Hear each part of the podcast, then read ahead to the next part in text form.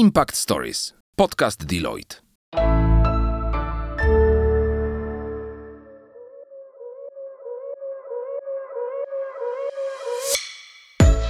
Cześć! Impact Stories powstało z myślą o studentach, którzy szukają inspiracji, chcą się rozwijać i poznawać świat biznesu od kuchni. Znasz zasadę nic o nas bez nas? My też! Dlatego Impact Stories prowadzą studentki i studenci różnych uczelni z całej Polski. To aktywne działaczki i działacze organizacji studenckich, którzy na chwilę chcą się znaleźć po drugiej stronie lustra. Dzięki Impact Stories spotkają się z ekspertkami i ekspertami Deloitte z różnych dziedzin, którzy podzielą się z nimi swoim doświadczeniem i odpowiedzą na najtrudniejsze pytania.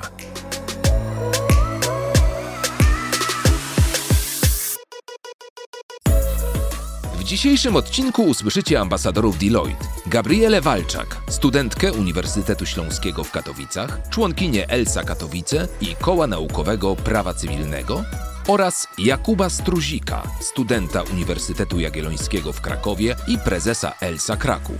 Ekspertami, z którymi porozmawiają są Anna Ressel, menadżerka w zespole Learning and Development oraz Marek Drop, dyrektor w dziale konsultingu.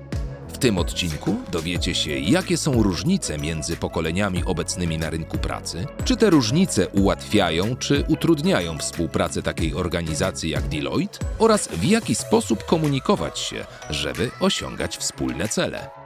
Posłuchaj Impact Stories. To jak my się dzisiaj dogadamy, bo w sumie będziemy dzisiaj o tym rozmawiać i jest to bardzo ciekawy temat, no bo są trzy pokolenia tutaj w studiu i myślę, że może być to wyzwanie albo zupełnie przeciwnie. Co sądzicie? A jakie są twoje doświadczenia?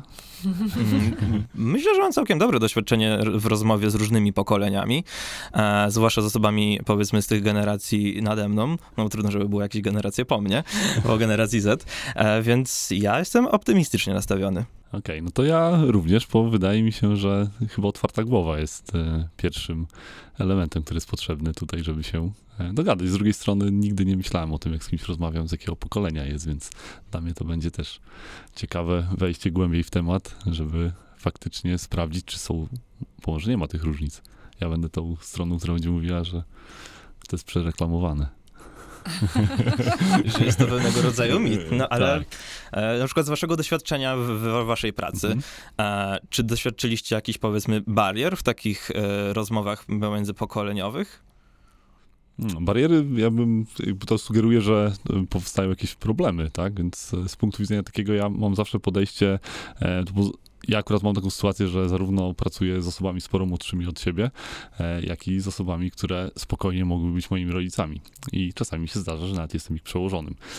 Więc to jest spore wyzwanie chyba dla głowy, ale nie przypominam sobie sytuacji, w której bym powiedział, że z kimś się nie dogadałem.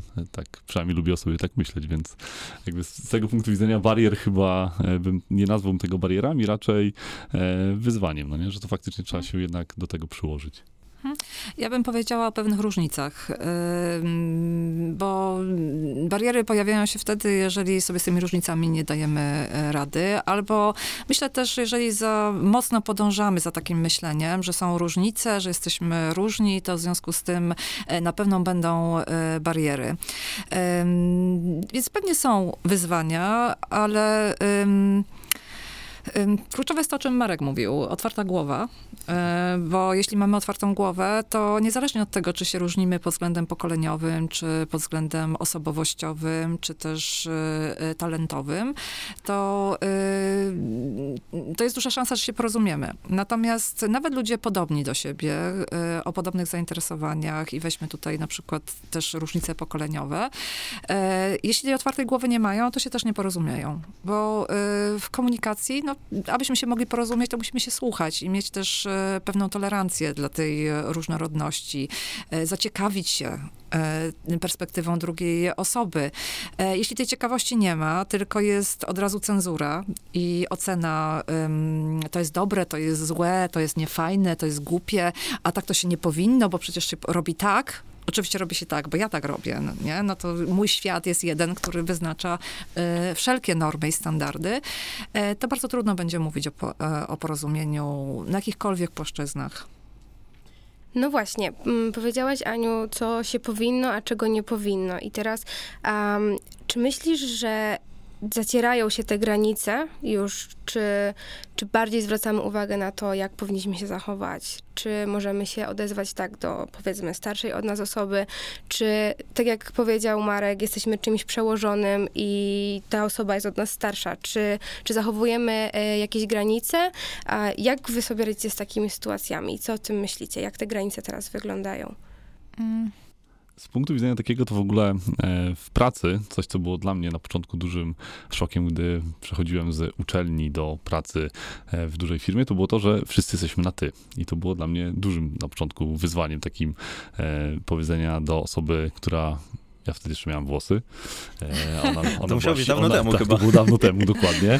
Ona była siwa e, i w takim momencie powiedzenie do niej e, cześć Dawid było dla mnie dużym, dużym wyzwaniem i to bardziej na takiej zasadzie, że wewnętrzny problem. Więc jakby z tego punktu widzenia wydaje mi się, że te mm, podejście takie, że mm, większość firm, zakładam, że już nie mówimy o jakichś, przepraszam, patologiach, tak, że pracujemy w jakiejś naprawdę firmie takim przykładzie zła, jeżeli chodzi o organizację, to w większości firm jesteśmy jakby przyzwyczajeni do tego, że porozumiewamy się w sposób, można powiedzieć, bardzo otwarty i wręcz jest to ciekawa rzecz, że w firmie często bez problemu powiemy do osoby dużo starszej, cześć Krystyna, gdzie w sklepie byśmy powiedzieli dzień dobry, tak, Mhm. byśmy się wstydzili, więc jakby tutaj e, z punktu widzenia na pewno dużo się poprawiło e, nad, z mojej perspektywy, taka ot, otwartość i to, że nawet social media i szeroko dostępne rzeczy, no to ja nawet widzę tą różnicę w komunikacji ze, ze starszymi osobami, które no jednak przez osmozę, tak, obcowania z kontentem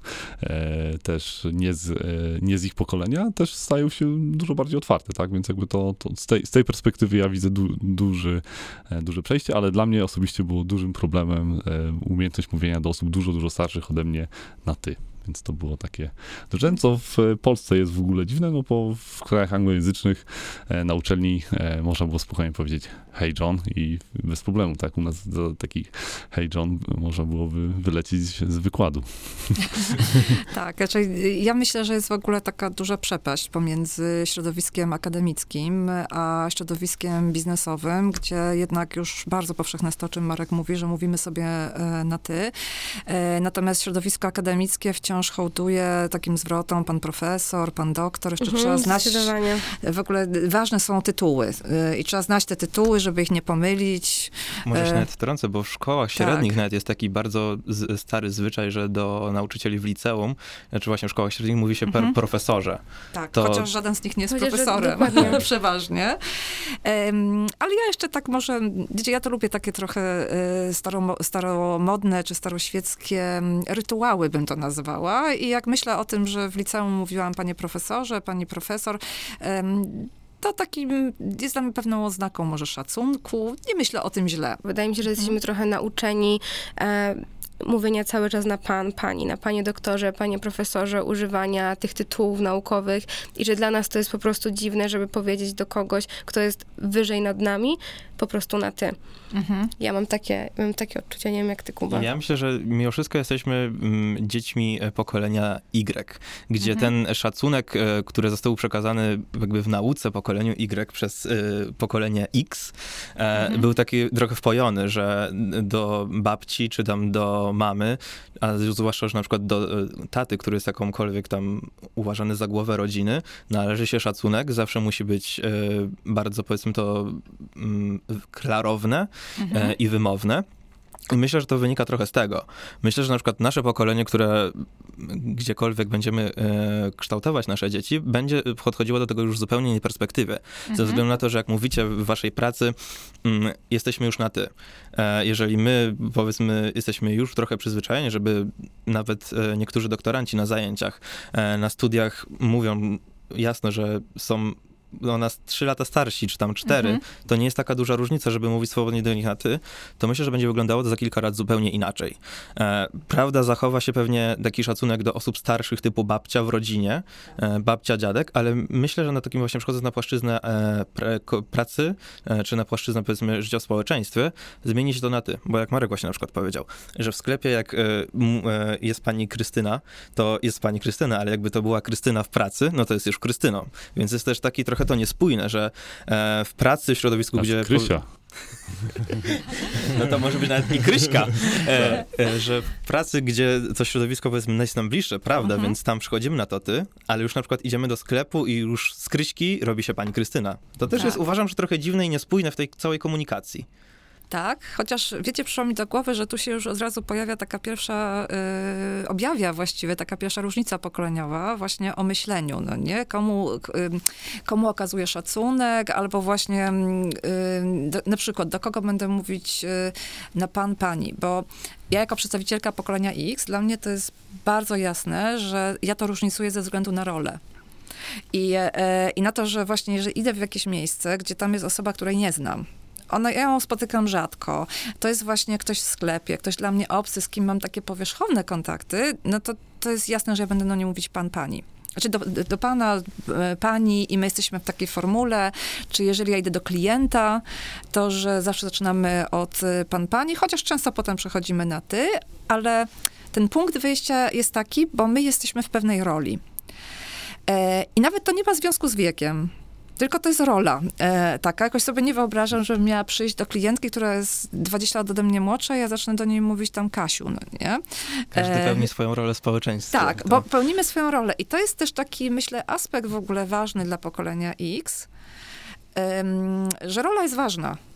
Że rola w jakiś sposób definiuje człowieka i za tym idzie też to, jak my się z tą osobą komunikujemy, jak my się do niej zwracamy, kto ma pierwszeństwo, e, na przykład kto powinien zaproponować to przejście na ty i tak dalej. Myślę, że to jest takie pokolenie moje żyjące w takim świecie, no nie? Jesteśmy ludźmi, więc popełniamy błędy. I jak ktoś nam mówi, że popełniliśmy błąd, jest to nasza przyjaciółka, czy tam przyjaciel, no to nie zawsze weźmiemy tą radę w 100%. Ale jeżeli zwraca się do nas osoba, którą jakby uważamy za autorytet, która jest dla nas jakimś tam wzorem i ona nam powie, że zrobiłeś źle, czy tam nie nauczyłeś się na sprawdzian, możesz poprawić, to zupełnie na nas to inaczej e, oddziałuje niż jak powie to osoba, z której jesteśmy właśnie na ty. Bo traktujemy to trochę jako radę, ale takie, że dzielimy to piąte trochę przez dziesiąte, ale jeżeli mówi to osoba, która powiedzmy no, ma te powiedzmy nawet 10 lat więcej doświadczenia e, życiowego, to jakoś bierzemy to bardziej na serio i te słowa możą, mogą do nas bardziej trafić. Mhm. Wiesz, Kuba, w ogóle mnie to zaciekawiło, bo e, o, czym, o czym mówisz, dlatego, że e, pokolenie Z jest, e, no często się o nim mówi, że to, są, że to są osoby, które nie słuchają i e, trochę nie szanują autorytetów i że właśnie niby chcą feedback, ale tak nie chcą posłuchać e, wcale, bo uważają, że wszystko wiedzą lepiej. Nie? Lecę takim stereotypem teraz e, trochę, który, który krąży e, w komunikacji, e, a tu słyszę coś zupełnie przeciwnego. Gdzie, gdzie mówisz, tak, posłucham, tylko ten ktoś może być moim autorytetem. I też chętnie bym was zapytała, jak to jest z tym przyjmowaniem właśnie wskazówek, rad, czy informacji w ogóle zwrotnych, zarówno tych korygujących, jak i doceniających. Wydaje mi się, że takie doceniające są zawsze miłe. Tak. A jeśli chodzi o takie korygujące, e, no jak sobie pomyślę, powiedzmy o takim życiu studenckim, akademickim na co dzień, to ja zawsze bardzo doceniam każdą wskazówkę. Wydaje mi się, że e, czy na ćwiczeniach, czy na wykładach, też e, w moim przypadku nie ma w ogóle problemu z taką komunikacją z prowadzącymi. Oni są zawsze dla nas, zawsze starają się nam gdzieś tam pomóc, podpowiadać na pytania i zawsze jak udzielają jakichś rad, to bardzo starają się, żeby one były merytoryczne, żeby były konstruktywne i żeby po prostu nas naprowadzić na dobrą drogę. Więc ja zawsze takie rady przyjmuję do siebie z pokorą i Mhm. po prostu wprowadzam je w życie. Nie, nie neguję ich za bardzo, jakby. Znaczy, to jestem w szoku, bo to nie jest e, oczywiste, tak? W sensie większość, właśnie, większość ludzi z krytyką, e, no, szuka swojego sposobu poradzenia sobie. Na przykład ja nie ukrywam, że jeżeli ja dostaję negatywny feedback, to już się nauczyłem po wielu latach, że jak to się pięknie po staropolsku mówi, nie dealuję z nim, tylko potrzebuję 24 godzin e, i po prostu staram się jakkolwiek nie bronić. Bo zawsze się wchodzi w pozycję obronu. Nie, to tak naprawdę miałem co innego na myśli, przecież miałem dobre intencje, Mhm. nie chciałem tego zrobić i się nauczyłem, żeby w ogóle z tym nie działać, ale mi to zajęło wie, wiele czasu, tak? W sensie, że to takie Mhm. umiejętność poradzenia sobie z tym, że ktoś faktycznie ten feedback przekazuje. A miałeś taką sytuację, w której faktycznie poczułaś, że jakby, nie wiem, forma była zła? No bo tutaj trochę brzmi tak, przepraszam, ale tak bardzo cukierkowo, że zawsze wszyscy w- Mm. sposób idealny przekazują mi z docenieniem Nie no, negatywny feedback. Nie, pewnie, że były takie sytuacje, natomiast e, szczerze mówiąc, zawsze staram się brać poprawkę na to, Mhm. jeżeli w szczególności mówi to ktoś starszy do mnie e, i biorę na to poprawkę, że okej, może po prostu zapomniał, jak to jest być studentem, że jakby on już jest dawno za tym i ma inne trochę podejście niż ja, e, więc zazwyczaj sobie to tłumaczę, tak żeby za długo mi to nie siedziało w głowie, żeby bez sensu się nie przejmować tym, co ktoś mi powiedział e, i, i po prostu sobie jakoś to tak oczyszczam, powiedzmy, no nie? Ale to chyba idealny sposób, no nie? Bo to jest tak, że to jakby z punktu widzenia takiego no, postawienia, próba postawienia się w butach e, drugiej osoby, tak? W sensie e, ta empatia, tak? Żeby faktycznie zrozumieć tą osobę. Do tej pory pamiętam, mój pierwszy zespół taki w poważnej pracy, to były osoby, które wszystkie miały dzieci, tak? Ja wtedy jeszcze studiowałem, byłem programistą e, i generalnie było mi ciężko znaleźć z nimi wspólny temat, tak? Wszyscy rozmawiali o wyborze przedszkola, tak? Ja w ogóle w życiu o tym nawet jeszcze nie myślałem, tak? E, Teraz oczywiście z chęcią bym o tym z nimi porozmawiał, e, ale dla mnie to było dużym szokiem, tak? Wyskoczenie z projektu studenckiego do tego, że siedzę 8 godzin w jednym pokoju z ludźmi, którzy właśnie rozmawiają o wyborze przedszkola. Dla mnie kompletnie Mhm. abstrakcyjny temat, no ale też zdałem sobie sprawę, bo to jest zawsze nawet nie mówię, że różnica w pokoleniach, tylko jest różnica w nas, na, na czym my teraz się obecnie skupiamy, Mhm. tak? Więc jakby mi jest ciężko powiedzieć, że e, uważam, jakby można powiedzieć, uważam się za osobę odpowiedzialną, że przez całe życie postępowałem odpowiedzialnie, tak? W Mhm. sensie szczególnie w okresie e, studenckim, nawet jeżeli już pracowałem, tak? Więc jakby tu e, z, z tego punktu widzenia też się zmienia to, to postrzeganie, tak? W sensie, Mhm. e, czy ten sposób rozmowy i postawienie się, że druga strona może ma inny pogląd na daną sytuację jest e, no, kluczowe, tak? W sensie szczególnie właśnie, jeżeli ktoś nam próbuje coś przekazać w sposób może nie do końca zrozumiały, tak? Czyli, nie wiem, przyjmijmy w takiej relacji szef przełożony, szef prosi nas o wypełnienie jakiejś tabelki, której po prostu kompletnie nie rozumiemy, no nie? Ale prawdopodobnie dla niego jest to ważne, tak? W sensie z jakiegoś powodu, to nie jest tak, że robi to, żeby na nas się znęcać, tylko dla niego jest to ważne. Jakby to, że nie potrafił tego wytłumaczyć, dlaczego to jest ważne, to jest inny problem, ale taka zrozumienie tego, że okej, no ja tego jeszcze nie rozumiem, no ale prawdopodobnie jest mu to potrzebne, tak? Więc jakby to jest taka fajna postawa, w której ty powiedziałeś, że ta, no, może zapo- ktoś zapomniał, że był studentem i trzeba troszeczkę inaczej tego podejść, więc jakby to zdecydowanie otwarta głowa tutaj i ta empatia jest potrzebna. Dobra, bo my tak naprawdę rozmawiamy o tych generacjach X, Y, Z, no ale czym one są? W sensie, jakie przedziały wiekowe w to wchodzą? Mhm. No i dlaczego one w ogóle powstały? No wiecie, właściwie to zawsze były różnice pokoleniowe, bo zawsze byli młodsi i starsi i stąd też e, są różne w ogóle opinie na ten temat. Jak Marek mówił, że tak jest sceptyczny, e, jeżeli chodzi e, o podejście, w ogóle różnice i takie, trochę niektórzy mówią stereotypizowanie i szufladkowanie ludzi. No i że moda. Że to się tak, kiedyś to się nie mówiło, a teraz jest baby boomers, bo jeszcze są baby boomers. X, Y i Z i nie wiadomo, co za chwilę będzie. Jasne, zawsze, e, zawsze byli młodsi i starsi, zawsze był konflikt pokoleniowy, bo to jest jasne, że y, młodzi ludzie patrzą na świat trochę inaczej i starsi ludzie trochę inaczej ze względu na bagaż doświadczeń. E, I też to, że starsi są przeważnie już trochę bardziej sceptyczni, bo wiele rzeczy doświadczyli, a młodsi e, po prostu może są trochę bardziej naiwni, za to może mają większą, bardziej otwartą głowę i nie mówią tak, a to się nie da, no nie? E, Niemniej jednak, dlaczego ten temat stał się ważny? Ponieważ em, to jest pierwszy raz w historii mamy taką sytuację, gdzie mamy cztery pokolenia na rynku pracy. Do tego mieliśmy do czynienia z y, zmianą systemową, która w bardzo dużym stopniu e, właśnie wpłynęła na to, jak e, funkcjonują dzisiaj pokolenia nazwijmy to starsze, i te pokolenia młodsze, bo często też mówimy o takiej granicy, czyli starsze to są baby boomers i X, a młodsze to są Y i Z. Teraz baby boomers to są osoby, które, czyli jakby zaliczamy do tej grupy osoby urodzone między 45 a 64 rokiem, tysiąc poprzedniego wieku oczywiście. Y, aha, i, i nazwa baby boomers pochodzi od tego, że było to pokolenie y, boomu powojennego. Y, dalej mamy pokolenie X, y, to są osoby urodzone między rokiem 1965 a 1900 i tu jest różnie, 84, 85. W literaturze się ostatnio, również się pojawiają inne zakresy, ale ja powiedzmy ostatnio się kieruję takim e, podziałem. Ta X charakteryzuje pewną niewiadomą, czyli takie pokolenie, które jak wchodziło w dorosłe życie, to trochę to była przed nimi duża niewiadoma, co się, co się wydarzy e, dalej i oni tak są trochę na rozkroku, czy byli na rozkroku. E, osoby urodzone między rokiem 1985-6 a 1995 to pokolenie Y. Nie wiem, czy wiecie, dlaczego Y?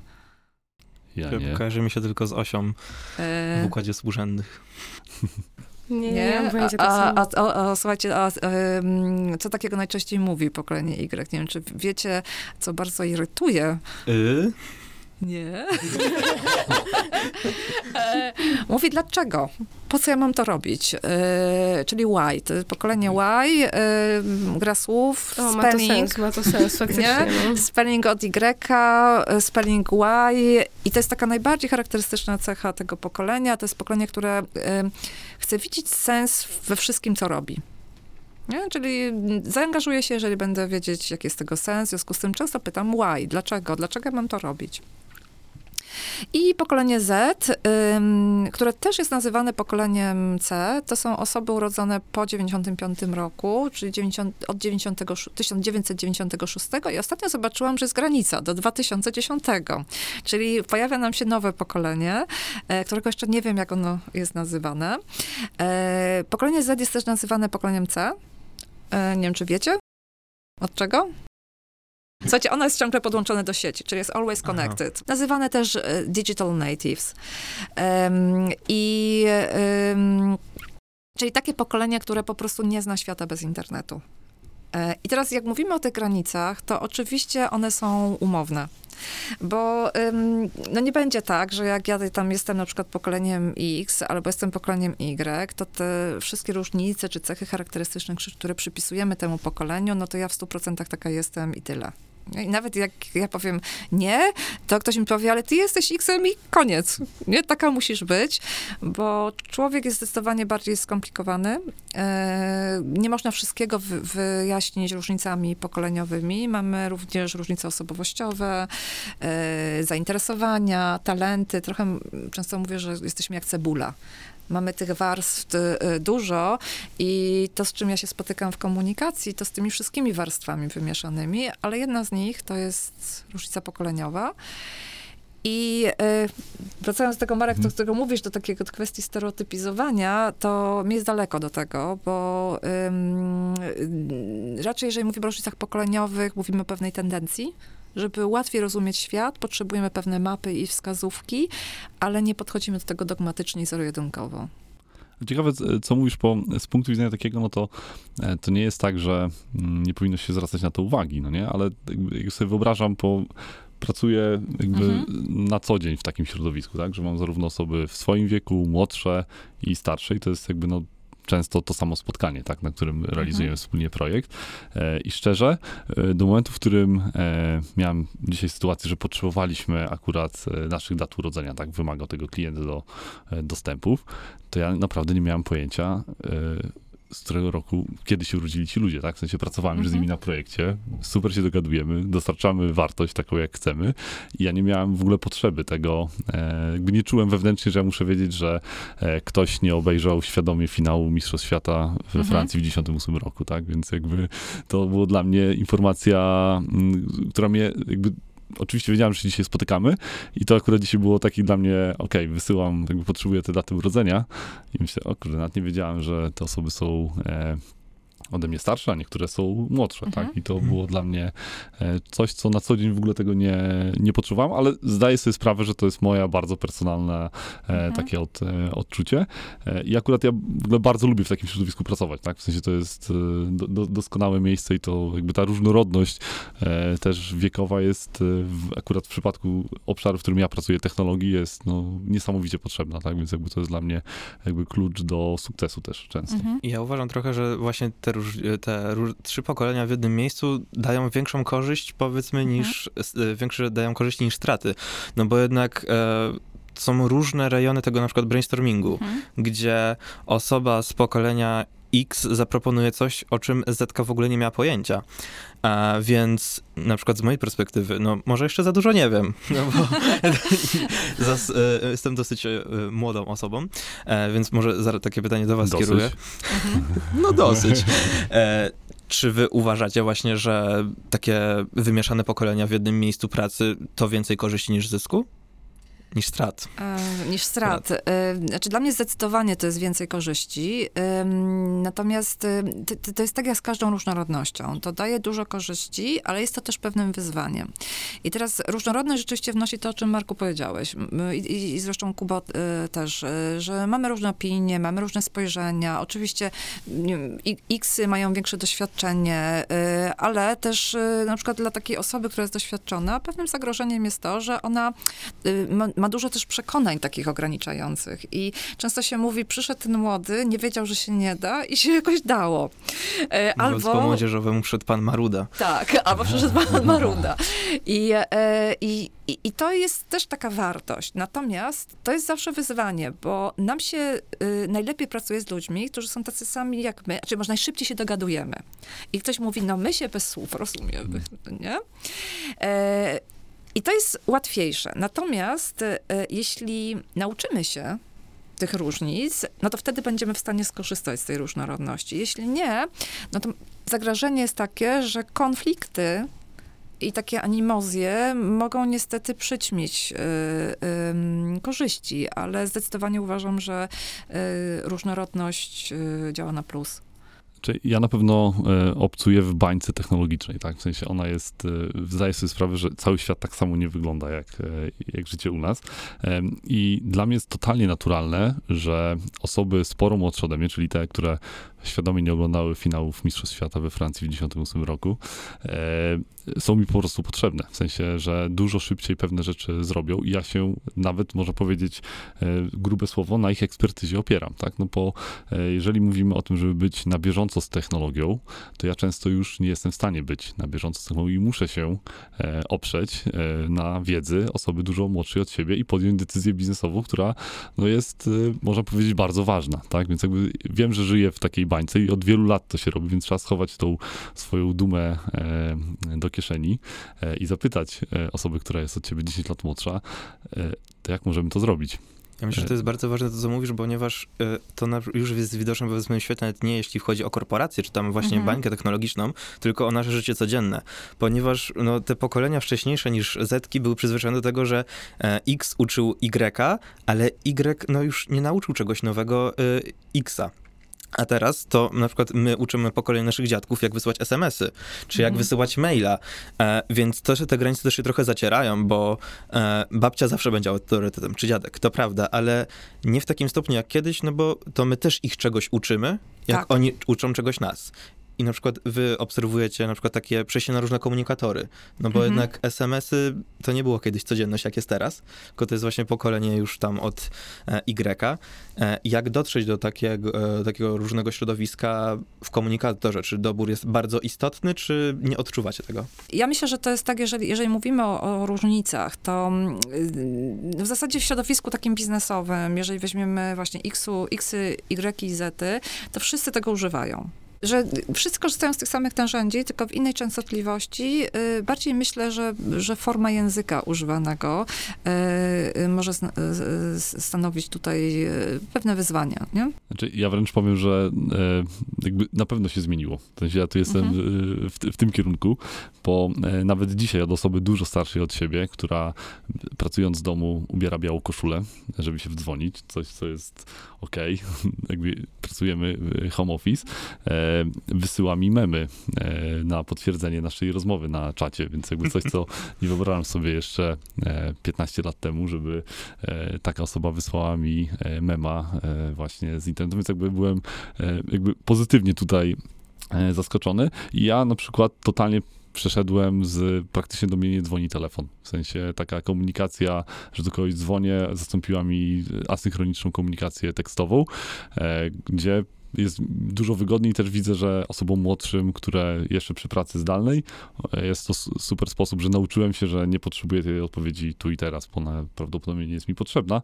Więc to też dużo ode mnie za, e, potrzebowałem tej takiej zmiany u siebie mentalnej, że wysyłam wiadomość i nie siedzę i nie patrzę się, kiedy mi odpisze, kiedy mi odpisze, no nie? Więc jakby to, ja przeszedłem kompletnie na tą e, asynchroniczność, tak? Więc jakby to jest e, duża, duża zmiana. Ja, ja się bardzo w ogóle cieszę, tak? W sensie naprawdę była, miałem dużo radość, jak dostałem tego mema potwierdzającego, że tak, dogadaliśmy się, mamy deal, tak? Więc jakby to było e, na, na tej zasadzie. Ja mam też takie, y, tak sobie myślę, bo rozmawiamy tutaj, rozmawiamy też, mówimy, wiecie, dużo o różnicach, ale właściwie my tych różnic sobie nie nazwaliśmy.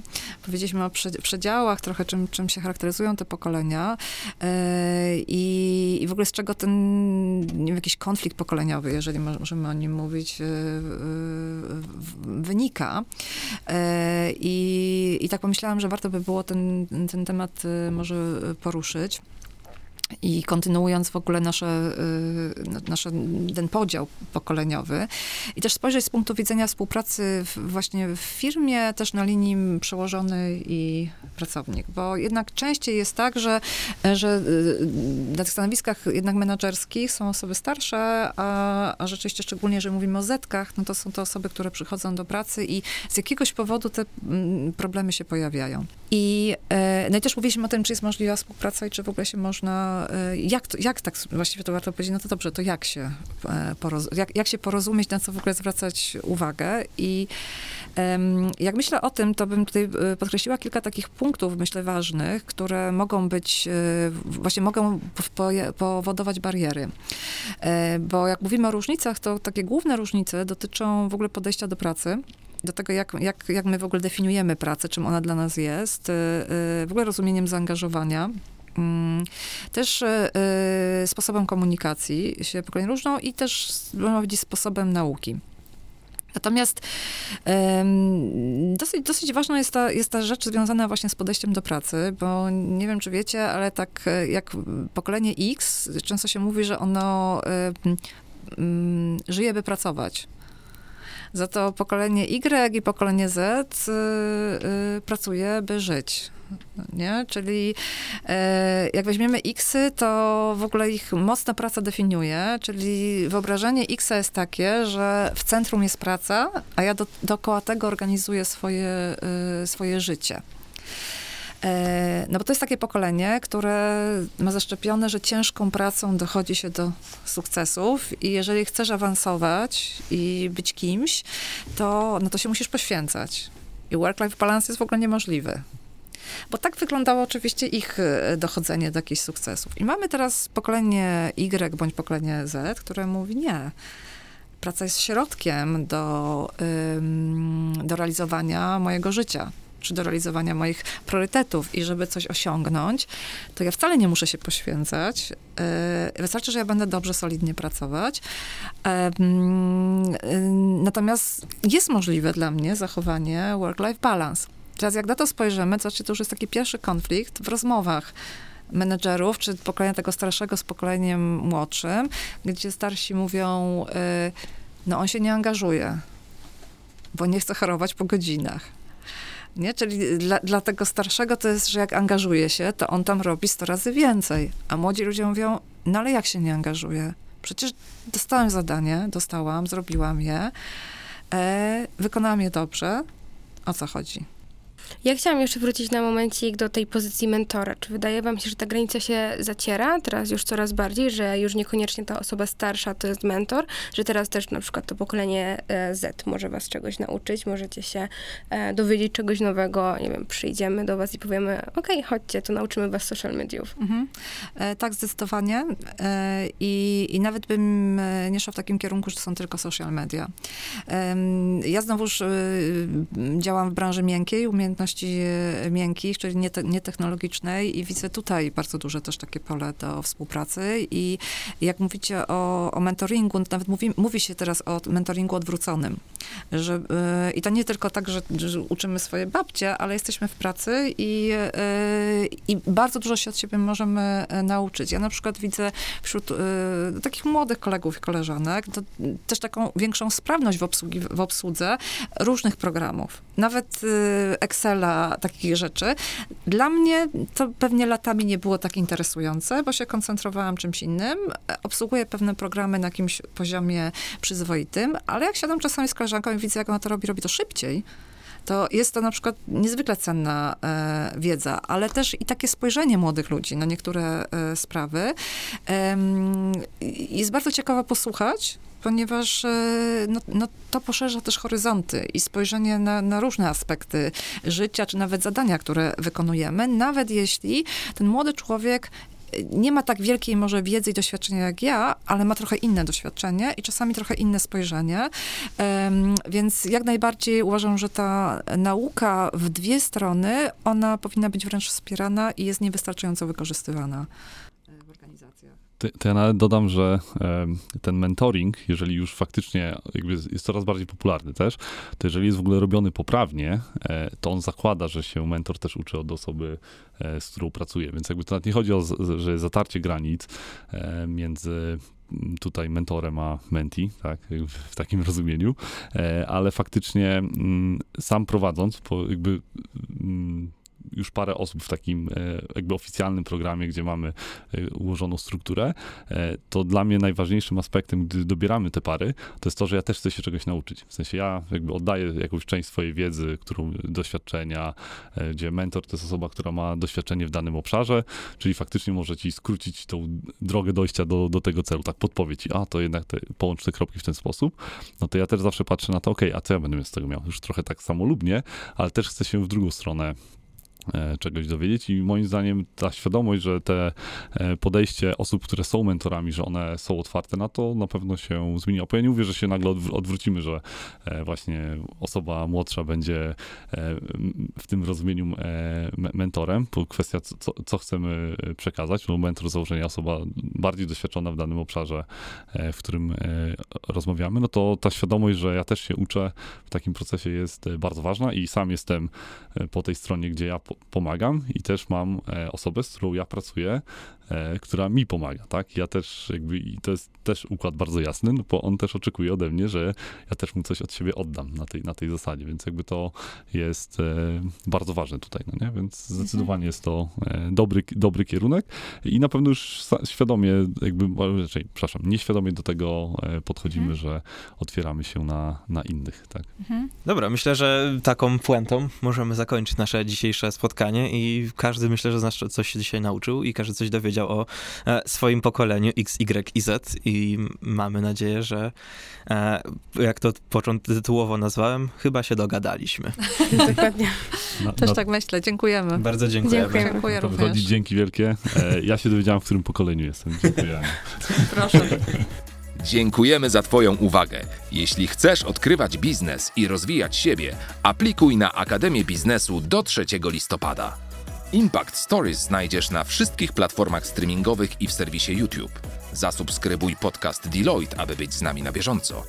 A jeśli chcesz dowiedzieć się więcej o naszej serii, odwiedź stronę kariera.deloitte.pl. Do usłyszenia w kolejnym odcinku. Impact Stories. Podcast Deloitte.